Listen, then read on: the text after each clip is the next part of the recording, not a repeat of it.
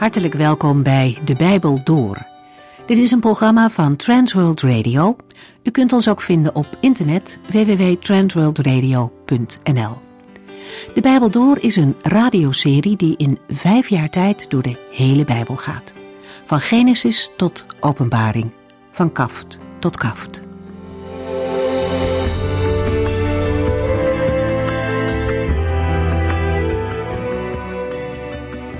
Fijn dat u vandaag weer een stukje met ons meegaat op deze reis door de Bijbel. We zijn bezig in de psalmen en de vorige keer lazen we vier stuks.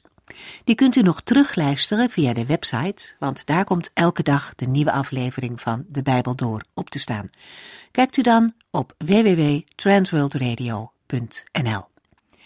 En daarnaast raad ik u eigenlijk ook aan om de besproken psalmen zelf nog eens rustig door te lezen.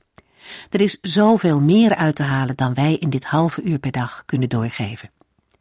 Zo viel een vers uit Psalm 86 mij op. Geef dat ik niet innerlijk verdeeld zal zijn, maar alleen u zal dienen. Of, zoals de MBG-vertaling schrijft, verenig mijn hart om u te vrezen. Wat is dat een mooie beeldspraak. Hoe makkelijk kan iemands hart naar de Here uitgaan en tegelijkertijd ook naar dingen die je van hem wegtrekken? Ons hart is soms zo makkelijk verdeeld. En David vraagt hier om een hart dat in geen enkel opzicht verdeeld, tweeslachtig is, maar dat in alle opzichten gericht is op de Here. Met zijn hele hart, met zijn hele wezen wil hij de Here toegewijd zijn.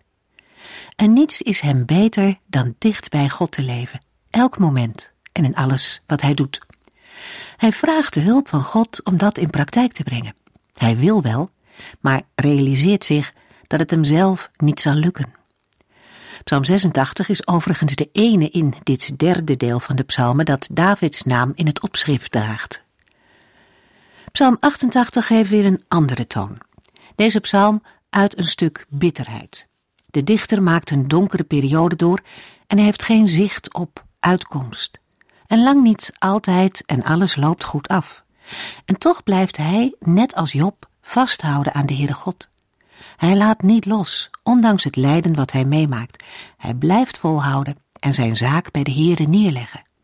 De nood waar de dichter in verkeert kan heel herkenbaar zijn. Vanuit het Nieuwe Testament mogen wij echter des te meer vasthouden aan de belofte van de Heere dat Hij ons te hulp komt in moeite en zorg. Hij heeft zelf geleden en Hij begrijpt waar mensen doorheen gaan. En in alles wat hopeloos is, kan de Heere nieuwe hoop geven en in elke duisternis is zijn licht toch sterker.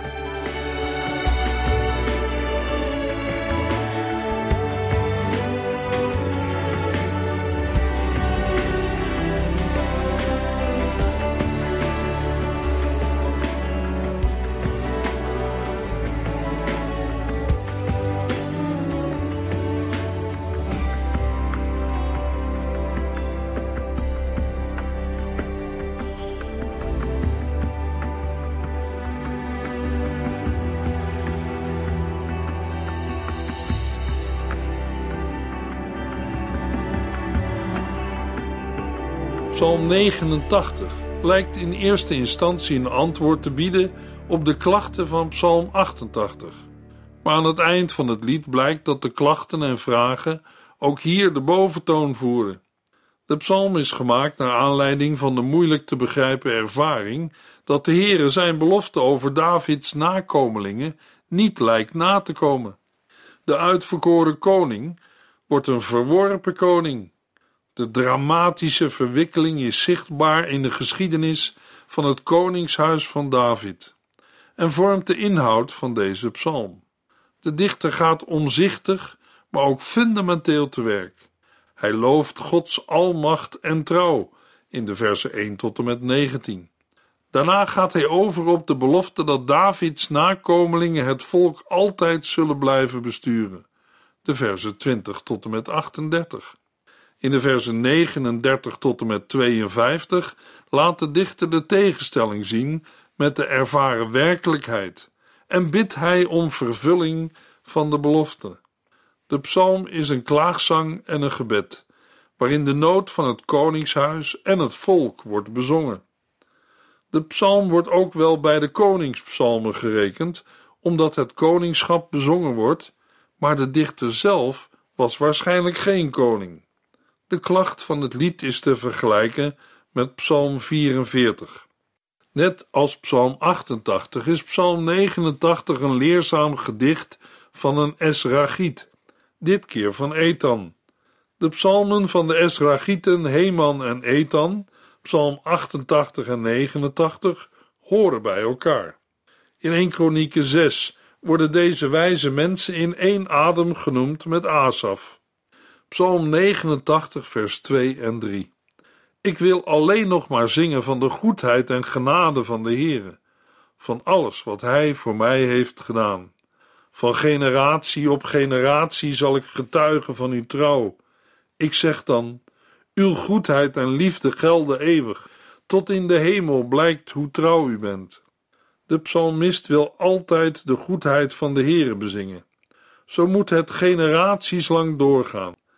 Hij verklaart dat Gods goedheid en trouw voor eeuwig in de hemel zijn gegrondvest. De dichter looft op deze manier wie de Heere is en hoe hij handelt. Het is een handelen dat uitgaat van liefde, maar ook van trouw aan eenmaal gegeven beloften en woorden. Hiermee wordt de kern van de problematiek van de psalm geraakt.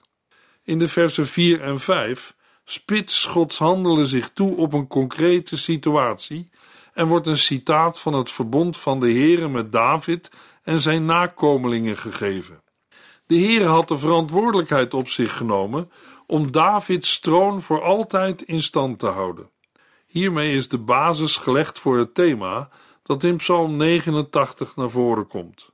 Daarna volgt in de Hebreeuwse tekst aan het eind van vers 5 het woordje Sela.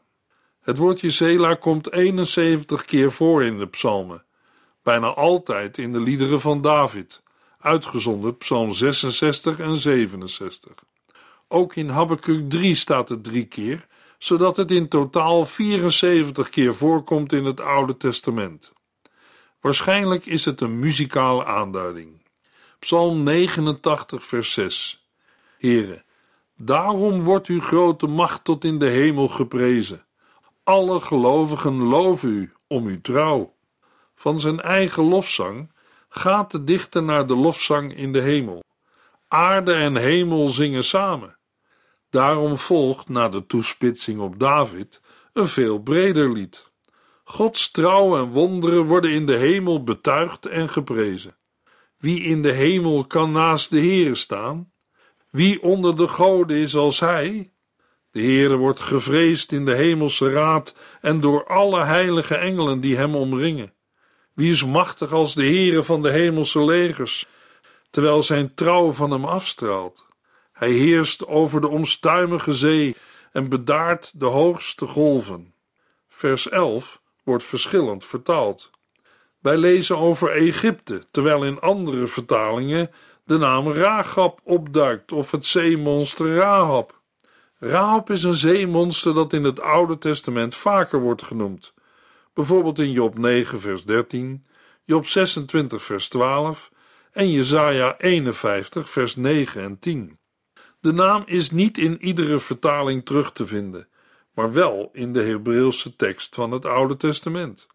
In Jesaja 30 vers 7 en Psalm 87 vers 4 wordt het gebruikt om er Egypte mee aan te duiden. Het beeld kan toegepast worden op de Exodus uit Egypte, maar is op zich breder en heeft betrekking op meer overwinningen. Zowel in de Bijbel als in het oude Midden-Oosten staan de zee- en zeemonsters voor bedreigende machten. De Heere heeft Egypte verslagen en al zijn vijanden door zijn kracht verspreid. De hemel en de aarde en al wat daarin is, zijn van de Heere, die dit alles heeft geschapen. Psalm 89, vers 13. Van noord tot zuid heb u alles gemaakt. De bergen juichen u toe. De Heer is machtig en geducht, maar evenzeer is hij rechtvaardig, liefdevol en trouw. In de versen 16 tot en met 19 trekt de dichter de conclusie en prijst het volk gelukkig dat de Heere kent en eert. De hele dag prijzen zij Gods naam en vertrouwen op zijn overwinning. Hij is hun kracht en zegen, Door zijn liefde en goedkeuring ontvangen zij een hoge positie. Het volk dankt zijn bescherming aan zijn hemelse koning, die als een schild is en hier de heilige God van Israël wordt genoemd. Psalm 89, vers 19 tot en met 21. De Heere beschermt ons en de heilige God van Israël is onze koning.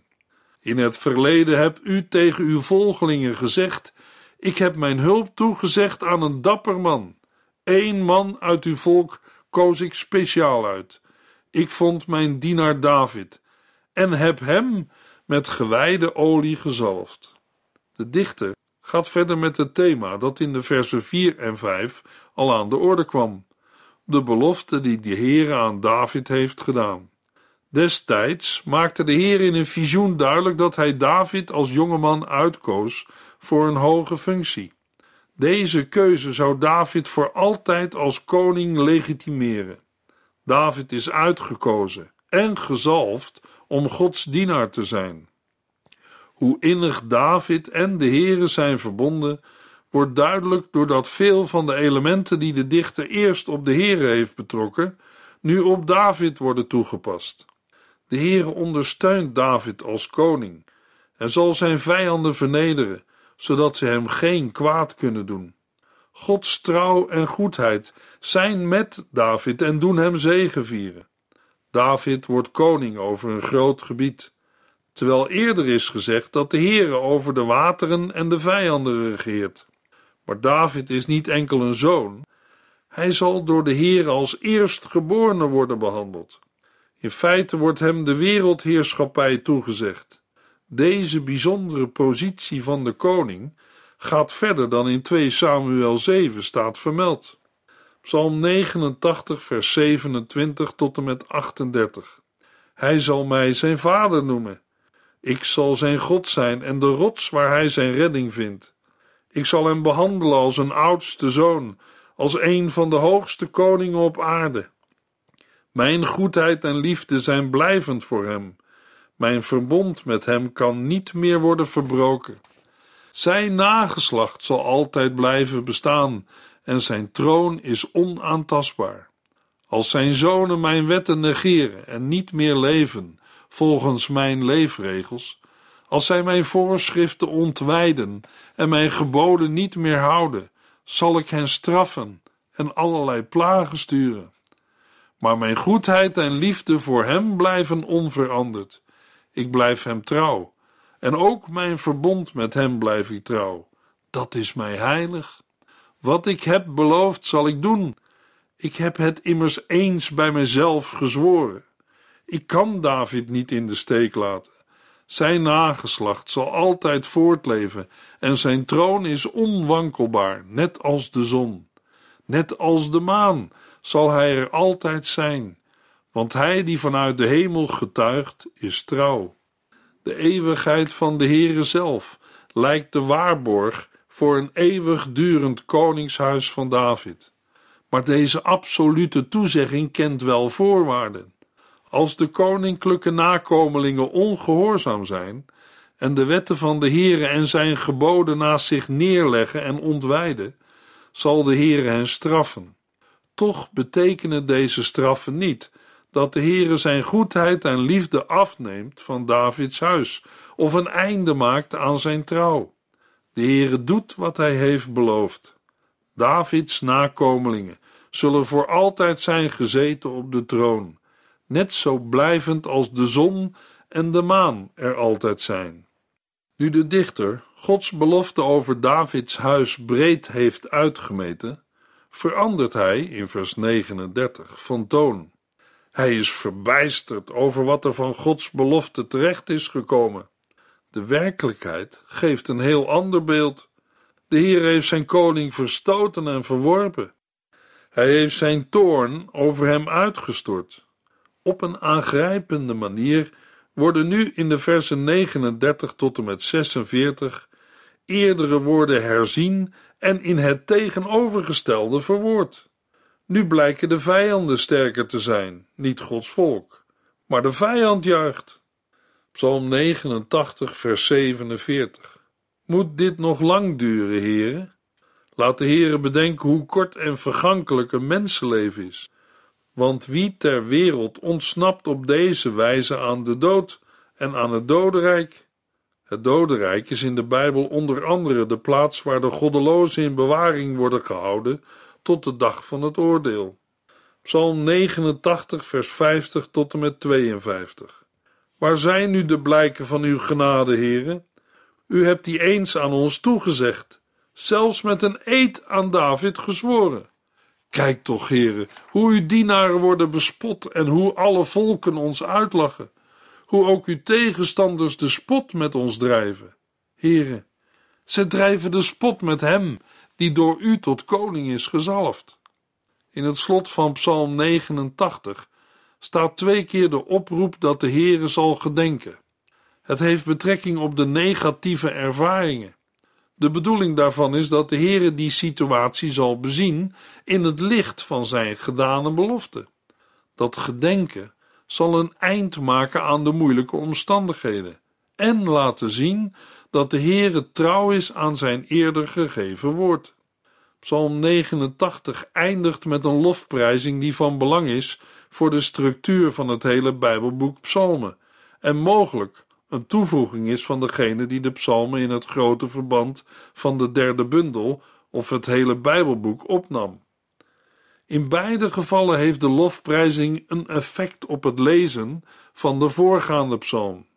Het is een oproep om de Heere te loven, van wie de macht en trouw eerder bezongen zijn. Ook al zijn de vele vragen en raadsels nog niet beantwoord, er komt verlossing. De kernboodschap van deze psalm ligt in de versen 39 tot en met 52, waarin de tegenstelling tussen Gods belofte en de realiteit wordt betreurd en er onbegrip over wordt geuit. De reden waarom de vijanden in deze psalm worden afgeschilderd als vijanden van de Here, is om de nederlaag van de koning in een ander perspectief te plaatsen. Als een landheer vijanden heeft en ze treffen zijn knecht, dan wordt indirect de heer van de knecht zelf ook geschaad. Als hij niet ingrijpt, zal de landheer als zwak worden bestempeld. Hetzelfde argument is in Psalm 89 zichtbaar. De zonden van het koningshuis en het volk komen in Psalm 89 niet duidelijk ter sprake. Vertwijfeld vraagt de dichter om een verheldering, maar hij vindt die niet. Dat is teleurstellend, maar tegelijk bijzonder leerrijk voor gelovigen van alle tijden. De herkenbare menselijke verslagenheid blijft voluit van kracht en krijgt alle ruimte. In de boeken van de profeten, bijvoorbeeld in Jeremia 23 en Ezekiel 37, blijkt de hoop dat in de toekomst de Messias zal komen, de grote zoon van David. Het onbegrip in Psalm 89 markeert een mijlpaal in de heilsgeschiedenis. Maar de verslagenheid kan nooit het laatste woord krijgen. Christenen geloven dat de beloften aan David vervuld zijn in de komst van een andere gezalfde, namelijk Jezus Christus. Hij is de Messias. Hij wordt de eerstgeborene genoemd en de heerser over alle koningen van de aarde. Hij is de koning die voor altijd blijft. Hij komt naar Jeruzalem om er Gods toorn te dragen en de spot van de buitenlandse onderdrukker. Hij geeft zijn volgelingen de kracht om ook deze smaad te dragen. Petrus stelde dat David sprak over de opstanding van Christus, omdat God onder Ede gezworen had dat Davids nakomelingen altijd op zijn troon zouden zitten.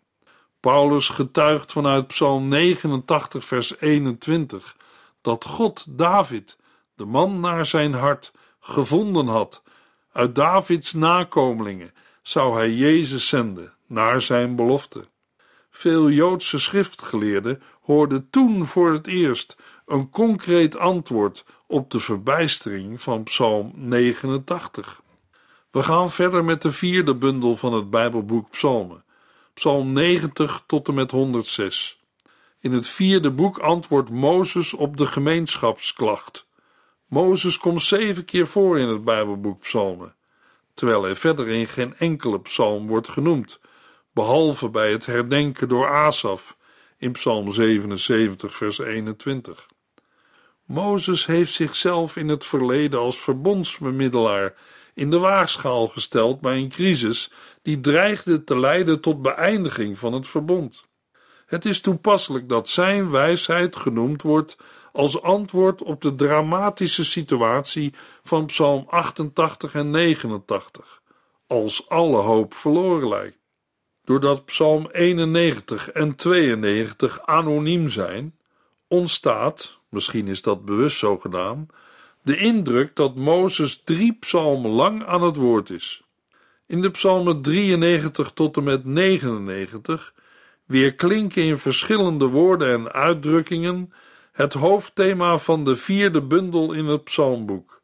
De Heere regeert. Opvallend genoeg keert David terug in psalm 101 en 103, omringd door enkele anonieme liederen. De vierde bundel eindigt met psalm 106, met de situatie van de ballingschap en gebed om redding. We beginnen met psalm 90. Psalm 90 is een gebed maar kan ook als klacht worden gekenmerkt. Het lied is gedeeltelijk een individuele klacht, maar vooral ook een klacht van de gemeenschap. Psalm 90 is niet bitter of pessimistisch van toon, maar bepaalt ons bij het korte en kwetsbare van het menselijke leven. Daartegenover schildert Psalm 90 Gods eeuwige grootheid. De psalm heeft een ingewikkelde opbouw. Er zijn twee hoofddelen: een meditatief deel in de versen 1 tot en met 12 en een deel met smeekgebeden in de versen 13 tot en met 17. Beide delen zijn met elkaar verbonden door twee overgangsversen, de versen 11 en 12. De twee eerste versen vormen de inleiding van Psalm 90 en de versen 16 en 17 de afsluiting. Psalm 90 is de enige tekst in het psalmboek die wordt toegeschreven aan Mozes maar veel hedendaagse Bijbeluitleggers gaan niet uit van een auteurschap van Mozes, maar nemen aan dat de vermelding in het opschrift te danken is aan het werk van latere schrijvers. Toch is een auteurschap van Mozes niet onmogelijk. In de toon, stijl en eenvoud van Psalm 90 herkennen wij Mozes terug. Opvallend zijn de taalkundige en inhoudelijke overeenkomsten met Deuteronomium 31, vers 30 tot en met 32, vers 47. Ook het optreden van Mozes bij de Here ten behoeve van Israël en de strekking van Psalm 90 pleiten voor zijn auteurschap. Bovendien heeft Psalm 90 een eigen plaats in de vierde bundel van het Bijbelboek Psalmen. Er is geen directe afhankelijkheid van andere psalmen aanwijsbaar. Volgens taalkundige analyse geniet een vroege datering van de psalm de voorkeur en is het zeker mogelijk dat psalm 90 tot de oudste psalmteksten behoort. Veel uitleggers gaan uit van een achtergrond in de ballingschap of daarna, maar wij gaan uit van Mozes als auteur. We zien de inhoud van Psalm 90 binnen de historische context van Israëls ellende in Egypte en de daaropvolgende woestijnperiode, waarin Mozes bijna de hele Exodus-generatie zag uitsterven ten gevolge van zonde. De psalm kan met name gezien worden tegen de achtergrond van nummer 20, waarin de dood van Mirjam wordt vermeld, als ook Mozes' eigen zonde bij het water van Meriba en daarna de dood van Aaron. Het zijn allemaal gebeurtenissen die een zeer diepe indruk op Mozes moeten hebben gehad.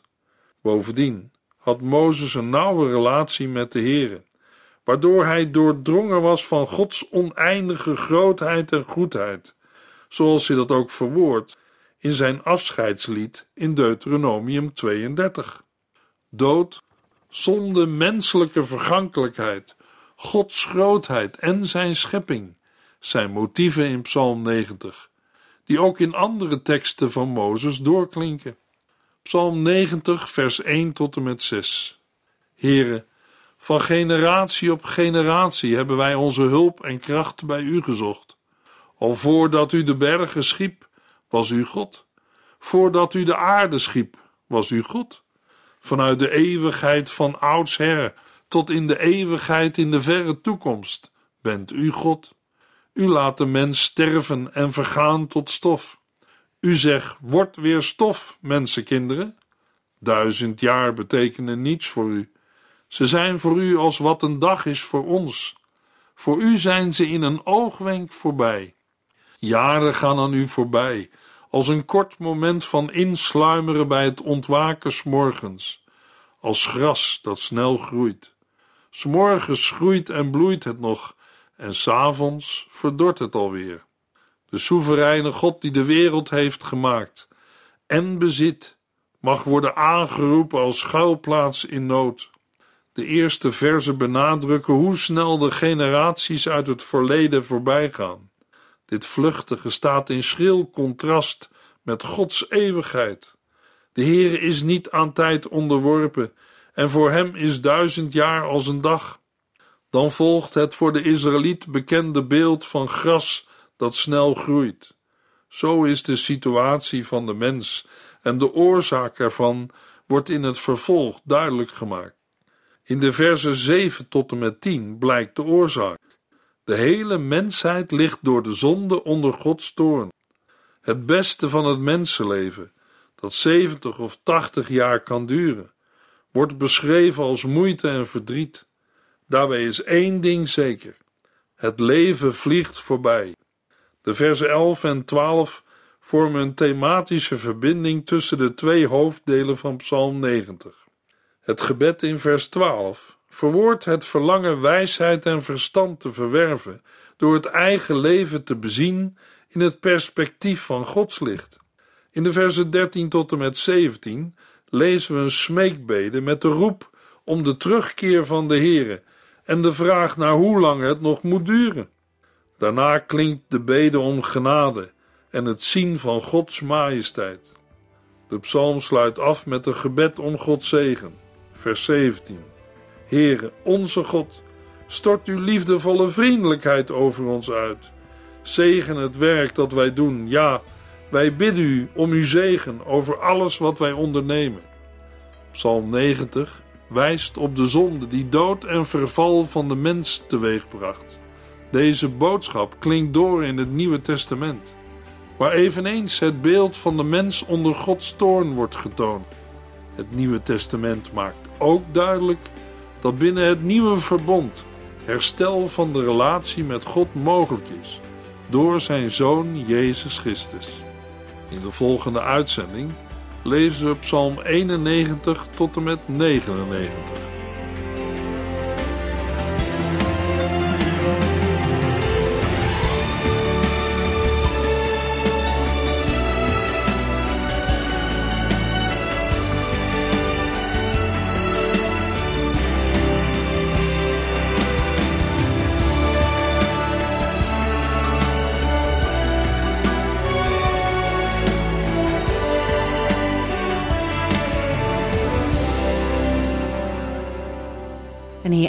Deze aflevering van De Bijbel Door.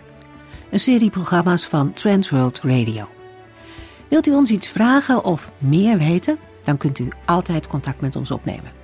Bellen kan overdag met 0342 478432. Per post Transworld Radio. Postbus 371. Postcode 3770. Anton Johannes in Barneveld. En e-mailen kan ook. De Bijbel door at transworldradio.nl En natuurlijk ook via onze website transworldradio.nl Dit programma werd gepresenteerd door Cor Weda en Ike André. En namens iedereen die er nog meer aan meegewerkt heeft, graag tot de volgende keer.